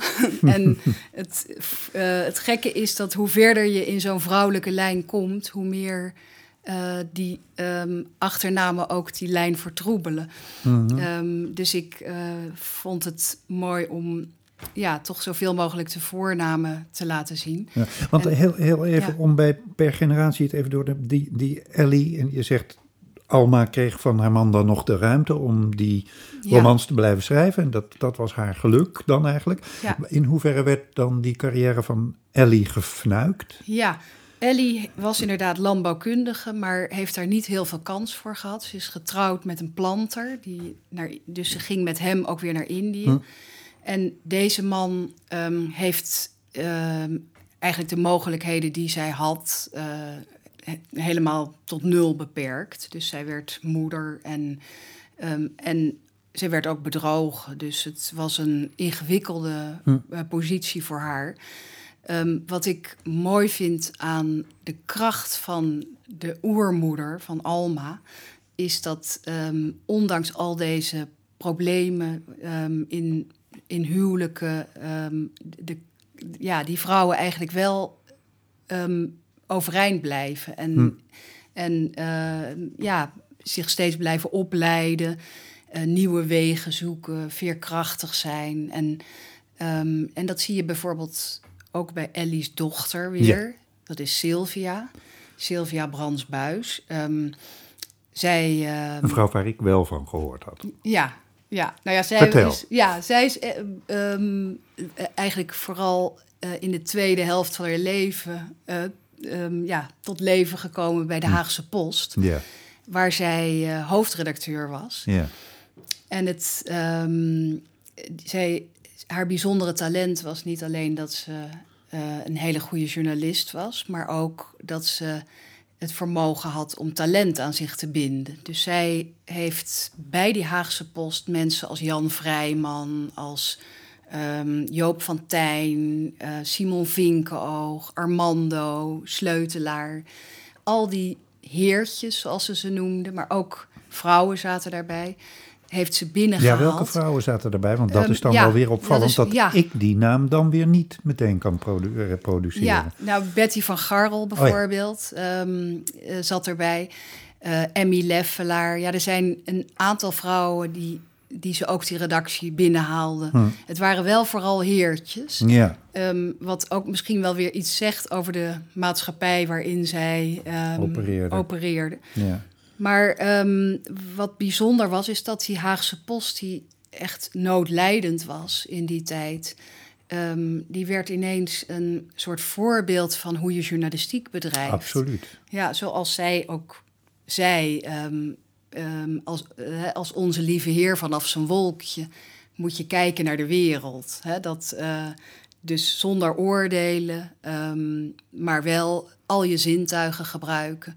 En dat viel ook net samen met eh, kunstenaarsbewegingen die in die tijd eh, interessant waren. Ja. Zoals de nulbeweging. ehm, En met Dus- sowieso een, een opener blik in de journalistiek. Minder Ja. serviel, minder ja, zeker. ontzag voor de Ja, autoriteiten. Maar bijvoorbeeld iemand als Armando, die had ehm, als idee om... eh, de- de- die maakte een kunstwerk van een gebruiksaanwijzing van een landbouwwerktuig. Dat was eigenlijk de objectivering eh, van, ja, van een gegeven. Ja, de ready-mades. Ja, inderdaad. En dat, was, eh, dat werd ook zijn journalistieke methode. Ja, ja. maar En- dat, de, de maar goed. inspiratie daarvan was echt deze Sylvia Brandbuis. Ja, zij heeft. eh, en het, het, ze was getrouwd met G.B.J. Hilterman. En het treurige is natuurlijk wel dat G.B.J. Hilterman, die, die kennen veel mensen nog wel. Absoluut. Ik wil ook niet zeggen dat eh, dat voor iedereen geldt. Maar het waren eigenlijk de jaren van Sylvia Brands-Buis en Ja. niet de jaren van G.B.J. Hilterman. En Ja. dat is ei- ook. ehm, Nou ja, dat is dan toch het typerende, want dan, dan komen we bij de, de laatste generatie, Lili, waarvan ik toevallig weet, je hebt dat nog niet gezegd, maar zij was de vrouw van Fons Rademakers. Ja, die dat was een veel. Iedereen die iets van film weet, wel kent, terwijl haar naam vermoedelijk vrij onbekend is. Ja, ehm Fons Rademakers was wel een veel leukere man, wil ik alvast maar onthullen, eh, ehm, eh, eh, dan, de, dan de man van haar moeder. Ja. Ehm G.B.J. Hilterman dus. Maar zij is inderdaad de eerste vrouw en in veel opzichten ook de eerste professionele filmmaker in Nederland, in het algemeen, die ehm, is opgeleid ehm, in dus Parijs en Rome. In Nederland was nog geen filmacademie. En zij, heeft, ze was assistent van Fellini bij La Dolce Vita. En heeft dus eigenlijk eh, ja, een betere opleiding gehad dan ehm, bijvoorbeeld haar man, die wel van het toneel kwam, maar ehm, van film nog alles moest leren. Ja. En ehm, ze, is, ze heeft natuurlijk de ruimte van hem gehad, eigenlijk zoals haar overgrootvader, die ook gaf aan zijn vrouw Alma. Ja. Maar ze is ook jarenlang dienstbaar aan hem geweest door ja, zijn, bij zijn films te assisteren. Ja. En hem eigenlijk in te leiden in het vak. Ja. En ehm, te- terwijl zij van A tot Z betrokken was bij, ehm, bij die films. Waarmee je boek dus ook een, eh, ja, een verhaal wordt over de noodzaak van emancipatie, zal ik maar zeggen. Om het even Mhm. plat te zeggen. Tot slot, ehm, de jongste in dit boek is 92. Wordt er eh, over 92 jaar nog zo'n boek geschreven of zijn we wat opgeschoten? Nou ja, ik heet ehm, Jutta Gores. Ik ehm, ben getrouwd en ik heb niet de naam van mijn man. dus ik. eh, eh, en ik denk als ik over die 170 jaar terugkijk. eh, wat ik geprobeerd heb, is inderdaad een persoonlijke geschiedenis te schrijven van één familie. Maar ook een emancipatiegeschiedenis, een kleine emancipatiegeschiedenis van, de, van gewone, bijzondere vrouwen. Die, die niet Aletta Jacobs waren of eh, Mies Bouwman. Of, en ehm, ik denk dat als je kijkt naar de afgelopen 50 jaar, hebben we wel een reuzensprong gemaakt. Hè? Als Ja. ik mijn moeder be- eh, bekijk, die ehm, in de jaren 50 eh, nog, de, de- die, die nog toestemming moest vragen aan haar man om een bankrekening te openen.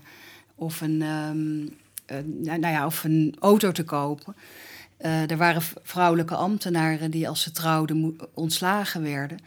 Dat is eh, voorbij. En ik wil niet zeggen dat alles nu eh, goed is. Er zijn Nee. nog steeds veel vrouwen die een stapje terug doen voor hun man. Of, of in het gezin om te zorgen. Of... Maar over het algemeen kun je wel zeggen dat ehm, ja, vrouwen, er veel meer vrouwen in leidinggevende posities zitten. In, Ja. Ehm, en, en de emancipatie dus wel wat opgeschoven is. hoor. Ook in- Ja. ja. En iedereen weet wie het Tagoras is. Zeker na het lezen van Alma's Dochters. Dat verschijnt in augustus. Dankjewel, Jutta. Alsjeblieft.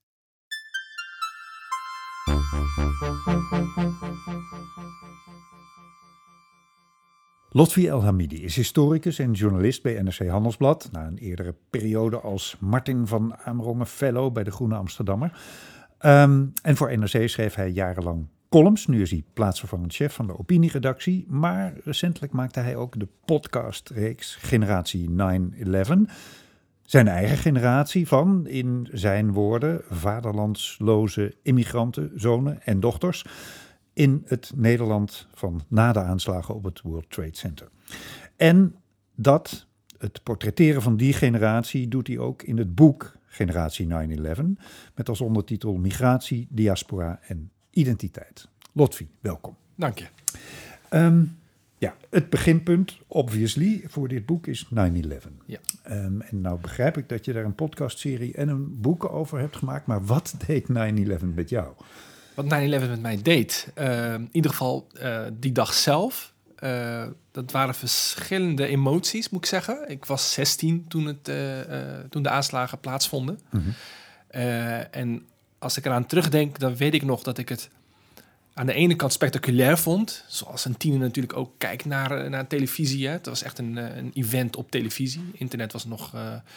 De, de, de, internet lag nog niet in je broekzak, zeg maar. Mm -hmm. um, uh, ene kant ook stoïcijns. Dat ik dacht van, uh, dat, dat komt, en moet ik wel even uitleggen, dat komt omdat uh, we op tv al jarenlang ongecensureerde beelden binnenkregen uit het Midden-Oosten, met name uit de Palestijnse gebieden. Mm -hmm. Waardoor, hè, en vanwege de rol van Amerika in, in die kwestie, namelijk als een kritiekeloze bondgenoot van Israël. Ja. Was er toch wel een gevoel van, nou ja, het zat eraan te komen. Hm. En aan de andere kant, en dat heeft te maken met mijn ouders.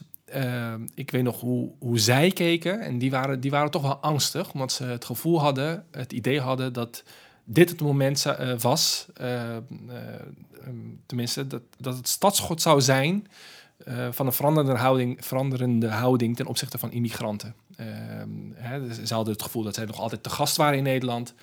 en ze vreesden voor de backlash Hmm. van die aanslagen. En dat, dit, dat deed natuurlijk wel, wel wat met mij. Dat ik dacht van, dat, weet je wel. De, Maar dat was niet jouw gevoel? het was niet mijn gevoel. Hm. Uh, ik was helemaal niet, helemaal niet bang voor die backlash. Komt dat omdat jij jezelf niet te gast vond? Ja. ja ik, ik, ben geboren en getogen in Rotterdam. En ik, ik, ik, dat gevoel herkende ik dus niet. Dat ik dacht Hm. van, uh, en nu, en, en morgen moeten we, moeten we weg uit dit land. Ik dacht van, ja, ik heb geen ander land. Dit, Hm. is, dit, is, dit is mijn land. Ja. Ja. En dat, dat, dat waren allemaal emoties die tegelijkertijd dus uh, in mij Ja. uh, speelden. Maar je ouders bleken wijzer dan jij. ja, en, en nou ja, ze probeerden die wijsheid natuurlijk ook over te brengen. Hè, door te zeggen van hou je gedijst en uh, gedraag je. En vooral geen domme dingen doen en domme dingen zeggen. Hè, de volgende dag op school. En uh, nou ja, ik was 16, dus wat doe je dan? Je gaat domme, ik dingen, ga domme dingen doen en zeggen. En dat deed ik. Ja. Zoals? Ja. Nou ja, ik weet nog heel goed dat, uh, volgens mij niet de dag meteen daarna, maar wel uh, op uh, twee dagen daarna, dat de school had besloten om een minuut stilte te houden voor de slachtoffers van 11 september. Nou zou je zeggen van dat is fatsoenlijk, dat is beschaafd. Maar ehm, ik en een aantal klasgenoten van mij, schoolgenoten ook, we voelden ons helemaal niet aangesproken. We dachten van ja, een minuut stilte. Er vallen overal doden. Onder andere ook door uh, Amerikaans geweld. Hoezo nu een minuut, een minuut stilte? Hm. En daar maakten we een statement van, hè, door dus niet stil te zijn. Wat natuurlijk heel onbeschoft is of heel uh, onfatsoenlijk. Maar in ons geval uh, een soort statement om te maken van... uh, luister eens ook naar ons. Uh, de, de wereld draait niet alleen maar om Amerika. Nee. Dus dat waren allemaal van die, van die uitingen van, je zou bijna zeggen, verzet.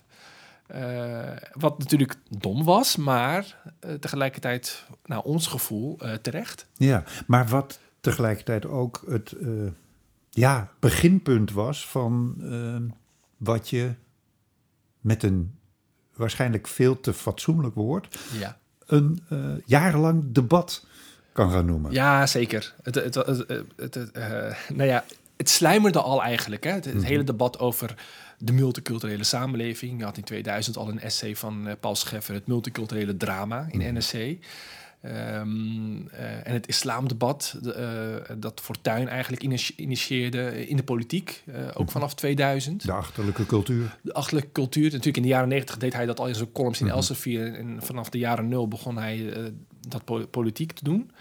Ehm, dus maar als er sprake was van een katalysator, dan... eh, dat was het 9-11. Dat was Mhm. eigenlijk het bewijs dat er van alles mis was eh, met, eh, met migratie en vooral eh, met islamitische migranten. mhm. Eh, dus we stonden opeens in de schijnwerpers. Eh, hè, je kon niet meer om ons heen. En iedereen wilde wel iets zeggen over, eh, over het onderwerp. Ehm, en dat was best wel heftig natuurlijk, vooral als je 16 bent. Mhm. het, het gaat erover op televisie, eh, in de kranten. en, en je, je proefde de sfeer ook wel. Hè? Als, je, als je in de bus stapt of in de metro of in de tram. dat men anders naar je keek. Mhm. En, en, dat, dat gevoel, ja, dat is... dat vertaalt zich dan eh, in, een, in een tegenreactie. En eh, vaak was dat natuurlijk niet een, eh, een, een, een wel overwogen ehm, eh, wijze reactie. Ja, want wat Ja. doe je daar in het boek mee, met al deze ervaringen? In het boek, Ja, ik reflecteer. Eh, eh, op een aantal manieren, eh, persoonlijk, hè, als, als ervaringsdeskundige. Dat ik kijk van, wat deed het met mij en wat zag ik nou eigenlijk gebeuren en hoe vat ik het toen op en hoe kijk ik er nu op terug. Mhm. Dat doe ik. En tegelijkertijd, nee, ik ben historicus, dus ik, ik plaats het ook in een, in een historisch perspectief. Dat ik denk van, wat gebeurde er inderdaad eigenlijk als ik uitzoom? niet alleen met mij, maar met Nederland. Eh, maar ook met Europa eigenlijk. Ik bedoel, ik, ik noem het dan ook geen Nederlands boek, maar een, een Europees boek zou je kunnen zeggen. Mhm. Want dit, dit, dit sentiment, of deze sentimenten ehm, en deze debatten eh, vonden natuurlijk ook in België plaats. En Mhm. in Frankrijk Mhm. eh, en in Engeland. Dus ik probeer, ik probeer toch wat te laten zien, eh, of ik probeer eigenlijk een, een, een beeld te schetsen van die periode. Waar we nu, ehm, nou ja, toch wel een beetje, eh, vooral na de terugtrekking uit Afghanistan, een soort van eh, afscheid van hebben genomen. Hè? Van, ja, dat, dat was een hoofdstuk in, in onze geschiedenis en eh, op naar de volgende. De invasie van Oekraïne heeft natuurlijk alles is, op zijn is kop dat gezet. zo? Ik vroeg me dat af, Nou ja, denk, denkend over dit gesprek en, en Ja. aan je boek. Is dat zo? Want ik heb ook die indruk, en Ja. zeker, zeker sinds de oorlog in Oekraïne is begonnen. Mhm, mhm. Ehm, maar is dat zo? Is dat vermaledijde islamdebat afgelopen? Eh, ja en nee. Kijk, aan de ene kant, eh, ik noem het generatie 9-11. Hè. Ik bedoel, ik ben geen 16 meer, en, het, 20 jaar verder. Dus er is van alles veranderd. En eh, men kijkt dan ook anders terug. Ehm, met een bepaalde afstand en een bepaalde nuchterheid ook wel. Iedereen ervoer die periode als heftig. Ook, de, ook de autochtone Nederlander. Hm.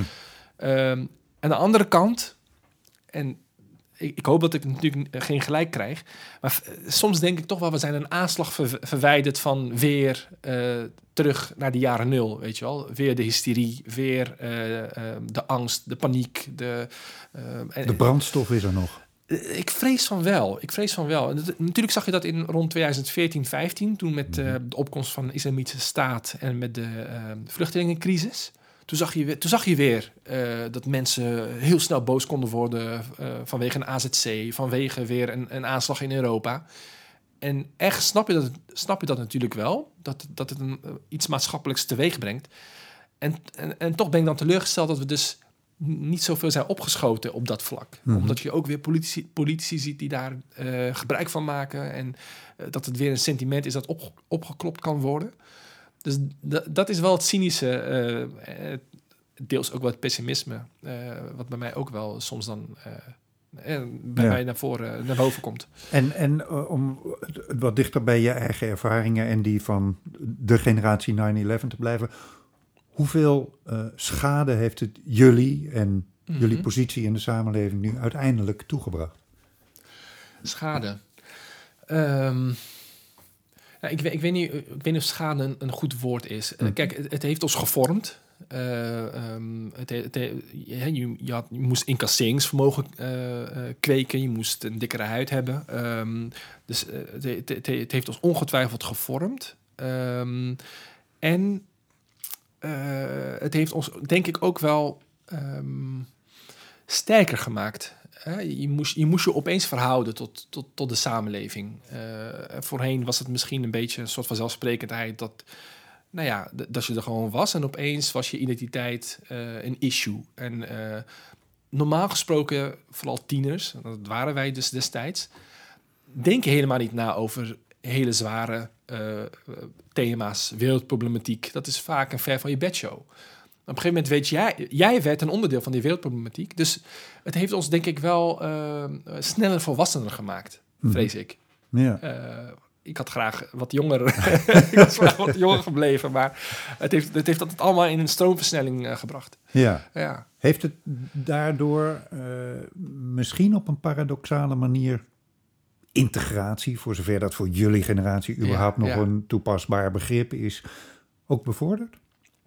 Ehm, ik, ik, op een bepaalde manier wel. Eh, kijk, ema- emancipatie, eh, ehm, of emancipatiestrijd, dat gaat altijd gepaard natuurlijk met conflict. En ik Hm. denk dat, eh, dat het in zekere zin ehm, niet alleen wij, maar ook de ontvangende samenleving, als je het zo wil noemen, zich ook op een gegeven moment moest aanpassen. Wij gingen nergens heen, weet je Hm. wel. Eh, wat mijn ouders vreesden van we worden uitgezet. Nee, we, we waren hier om te blijven. En hier moet je het mee doen. En ik denk dat dat besef de laatste, ik denk wel tien jaar, enigszins is ingedaald. Maar nog steeds niet vanzelfsprekend. Hm. En dat merk je natuurlijk aan, eh, aan de hand van eh, de politieke samenstelling. Hè? Het- is nog steeds een rechtsland. Anti-immigratiesentimenten zijn nog steeds aanwezig. Maar ergens zie je ook wel een soort eh, berusting. En ik denk, eh, nou ja, we nemen dit vandaag op. dat be- nu bekend is geworden dat in Rotterdam een college gevormd is tussen Leefbaar Rotterdam en Denk. Dat je toch wel denkt van, nou, er is wel Die iets had het veranderd. tien jaar geleden kunnen denken. ja, ja. En in ieder geval heeft het opgeleverd jouw boek, Generatie 9-11, van Lotfi El Hamidi. Dat verschijnt op 30 augustus. Dankjewel. Dankjewel.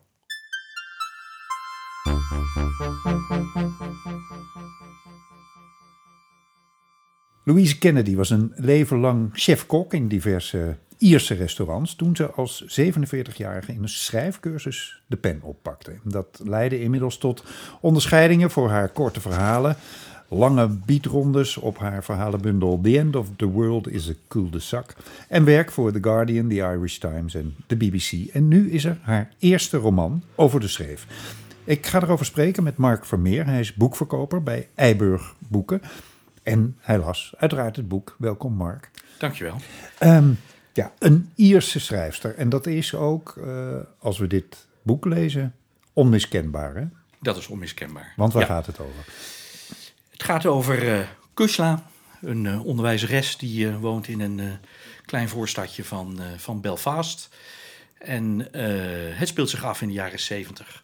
Ze woont op de grens eigenlijk van de Republiek en Noord-Ierland. Dus het is in alles, het hele boek is doordezemd van, eh, van eh, laten we zeggen, de situatie al daar. The Troubles. The Troubles, The Troubles. Maar het is een liefdesverhaal. Ach. En dat is denk ik toch ook een van de ja, belangrijke kenmerken van het, eh, het boek. Het is een verwoestend liefdesverhaal en met als decor de The Troubles. Want schets even dat decor voor de iets minder historisch bewusten eh, onder ons. Of zoals zij het in het boek doet. Ja, hoe, hoe zij het- nou ja, in de.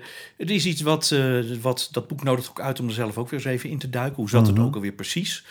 En dan wordt het al snel duidelijk dat de spanningen tussen, laten we zeggen, de, de, de unionisten, de mensen van Engeland. eh, in Noord-Ierland en de. Ierse, de protestanten en de Ierse Republiek, die katholieken, de katholiek zijn doorgaans. Eh, dat komt eigenlijk heel sluipenderwijs tot een, eh, ja, een, een The Troubles. Er vinden bomaanslagen plaats, er vinden eh, intimidaties plaats. En dat gaat eigenlijk, althans volgens het boek ook, heel sluipenderwijs. En dat is een beetje het decor wat je, wat je ziet in het boek. De liefdesgeschiedenis loopt daarin gelijk op. En eh, Nou, hoe komen die twee bij elkaar? Dat decor en de ja, liefdesgeschiedenis? het, dat, dat, het, het, het, het, is een, eh, het is een jonge onderwij- onderwijzeres, misschien goed om even te, te, toe te lichten. Eh, ze werkte op de, op de basisschool, woont samen met haar moeder. En daarnaast werkt ze in een kroeg, en dat is eigenlijk de familiekroeg.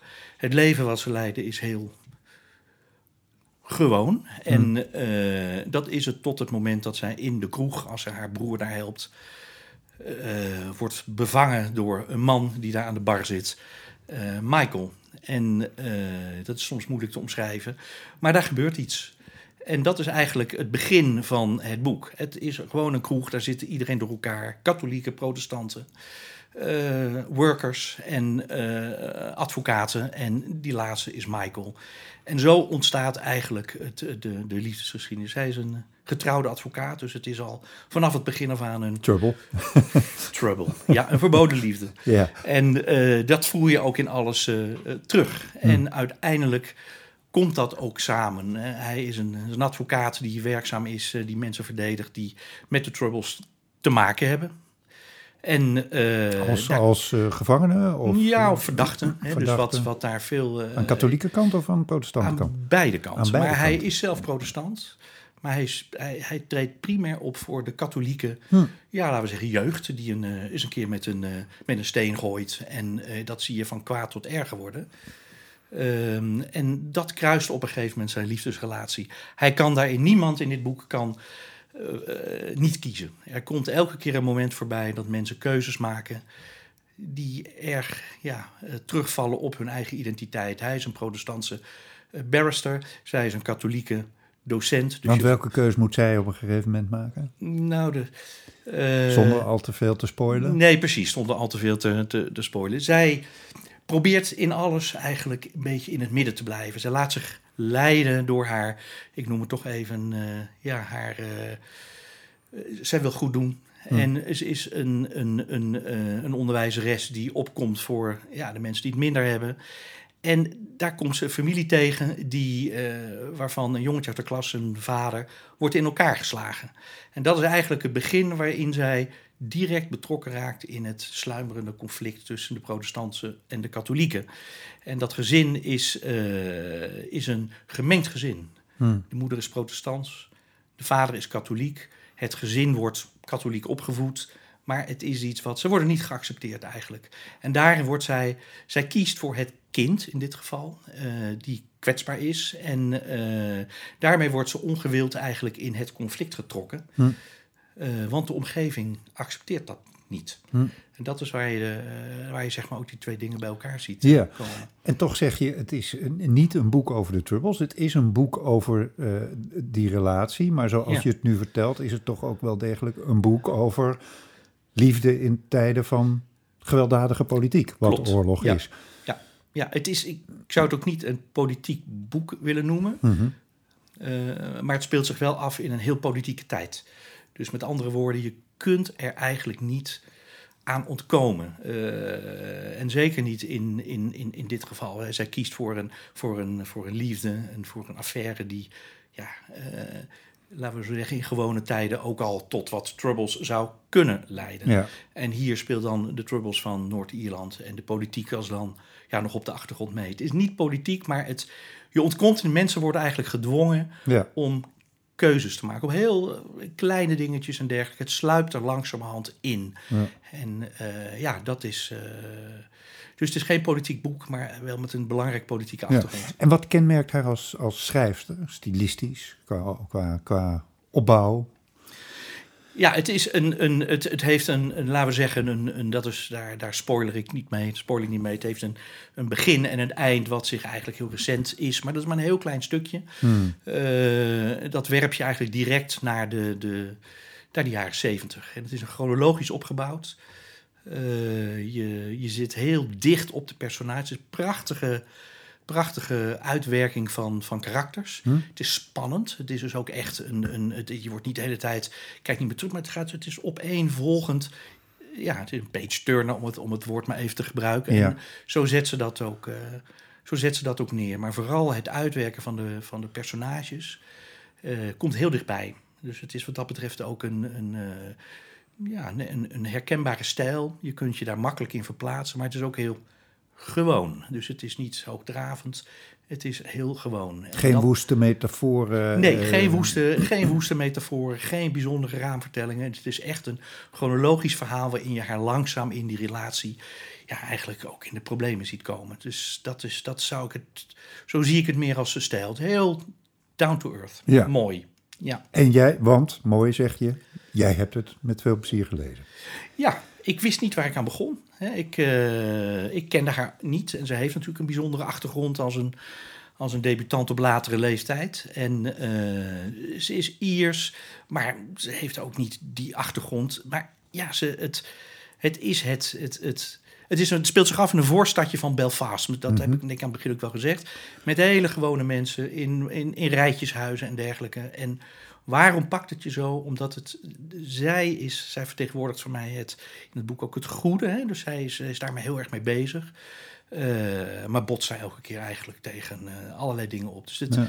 je loopt met haar mee. Dat vond ik het intrigerend aan het boek. Een hele klein, beetje een dorpsgevoel krijg je in de grote stad. Ik zie bijna de verfilming al voor. Ja, ik ook. Dat is ook. het is, nou, maar dat klopt. Het is een, dus je leest het. Het is zeer uh, ja, het, gevisualiseerd, om maar zo te zeggen. Je, ja.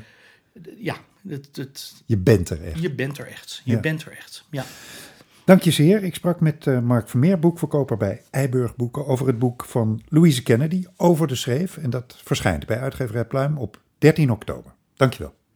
Graag gedaan.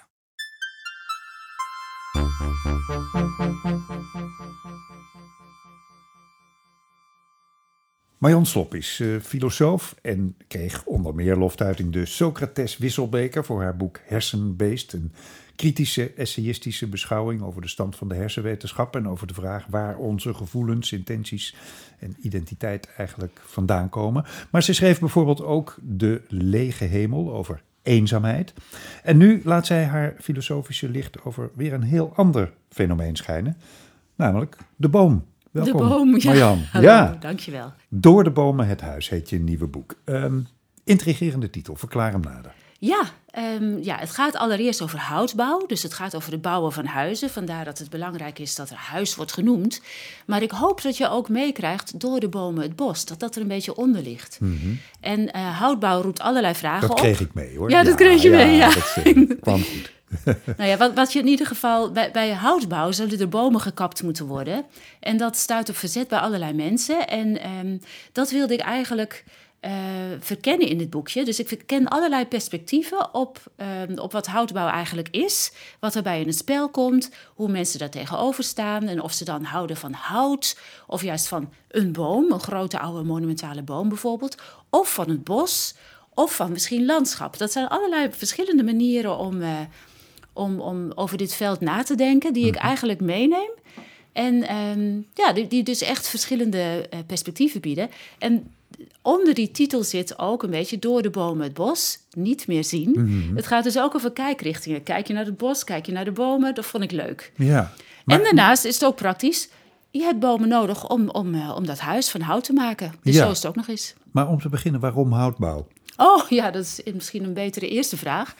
um, nou, houtbouw is een heel goed idee als je je zorgen maakt over het klimaat, zoals ik doe. Hmm. Want als je uh, op grote schaal, en dat is wel dan echt een ding, maar als je op grote schaal huis, huizen van hout zou bouwen, dan zou de klimaatteller, of de CO2-teller, die zou zelfs terug kunnen gaan draaien. Want hout slaat CO2 op, hè, die haalt uh, CO2 uit de atmosfeer, dus het Hmm. broeikasgas wat de aarde opwarmt. Yeah. Um, en uh, als, je dat, als je vervolgens bomen kapt en dat hout wat je daarvan oogst, zou ik maar zeggen, verwerkt in huizen, dan hou je dus CO2 vast. Ja. Uit, uh, neergeslagen uit de atmosfeer.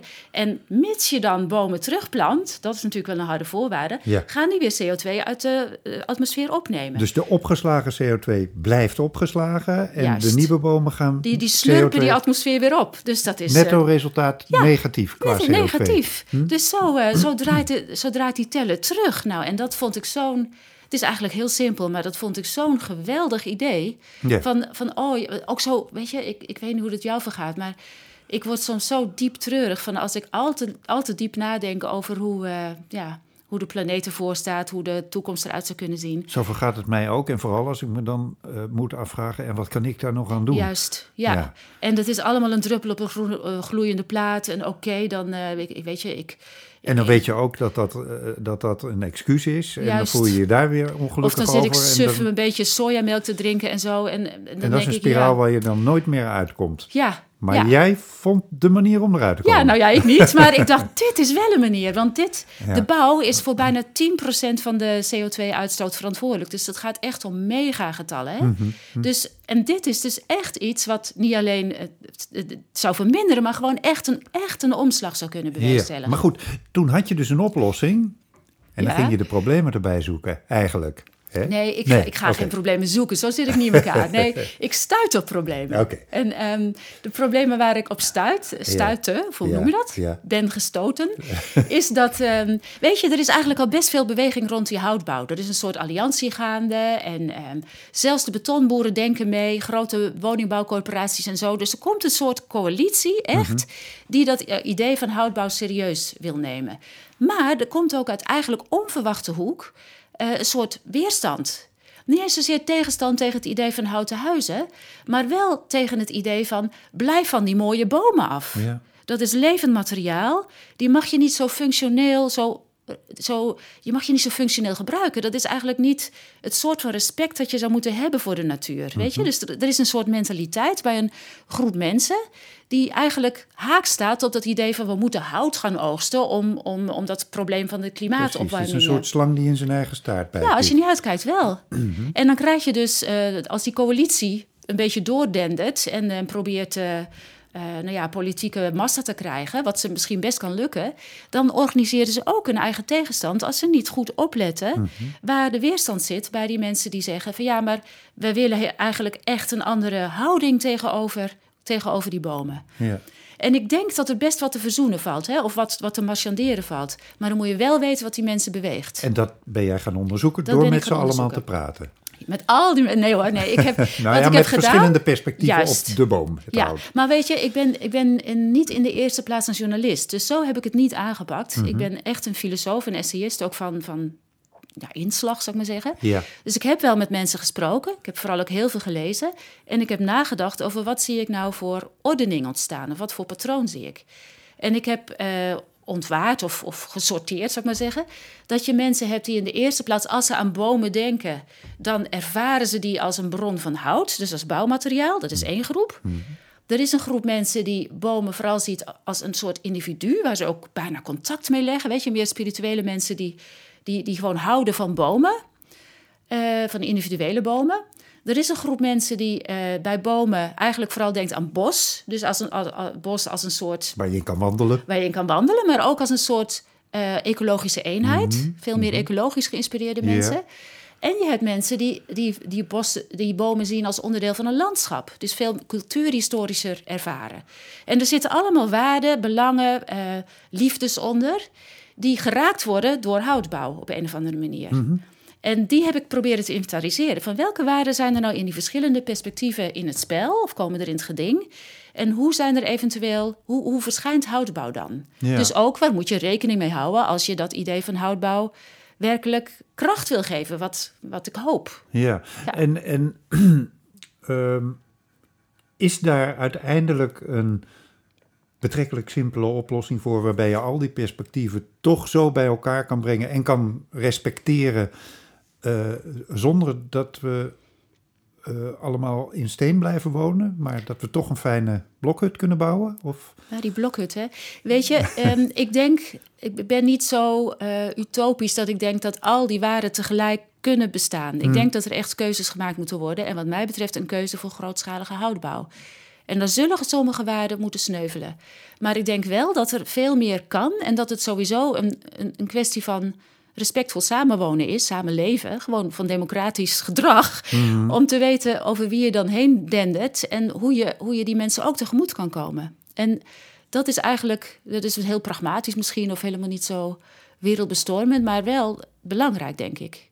Dus is dat een antwoord? Ja, dat is een antwoord. En eh, dat is een antwoord wat eh, vragen oproept, maar die worden ongetwijfeld in het boek beantwoord. Dus daar laten we het dan bij, want eh, dat boek is er.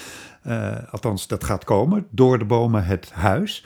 Verschijnt in november in de pluimreeks Vitale Ideeën voor de Wereld van Morgen. Geschreven door Marjan Slop. Dankjewel, Marjan. Dankjewel.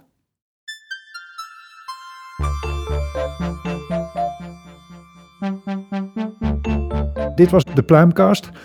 Voor meer informatie uitgeverijpluim.nl, volg ons op Instagram of neem anderszins contact op.